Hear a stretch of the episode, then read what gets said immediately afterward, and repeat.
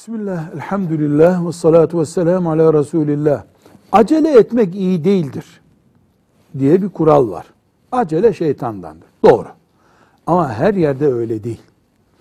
Dört yerde aceleci olacağız. Birincisi, günahtan sonra tövbe sürecinde acele edeceğiz.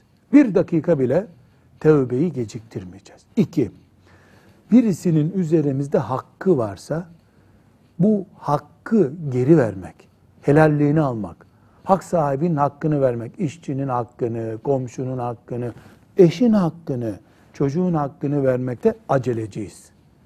Onda geniş zamanlı değiliz. Hac ibadetinde de aceleci olmamız gerekiyor. Ve dördüncü olarak da Allah'ın vakitle emrettiği ibadetler, akşam namazı bir buçuk saatlik bir zaman limitinde kılınması gerekiyor.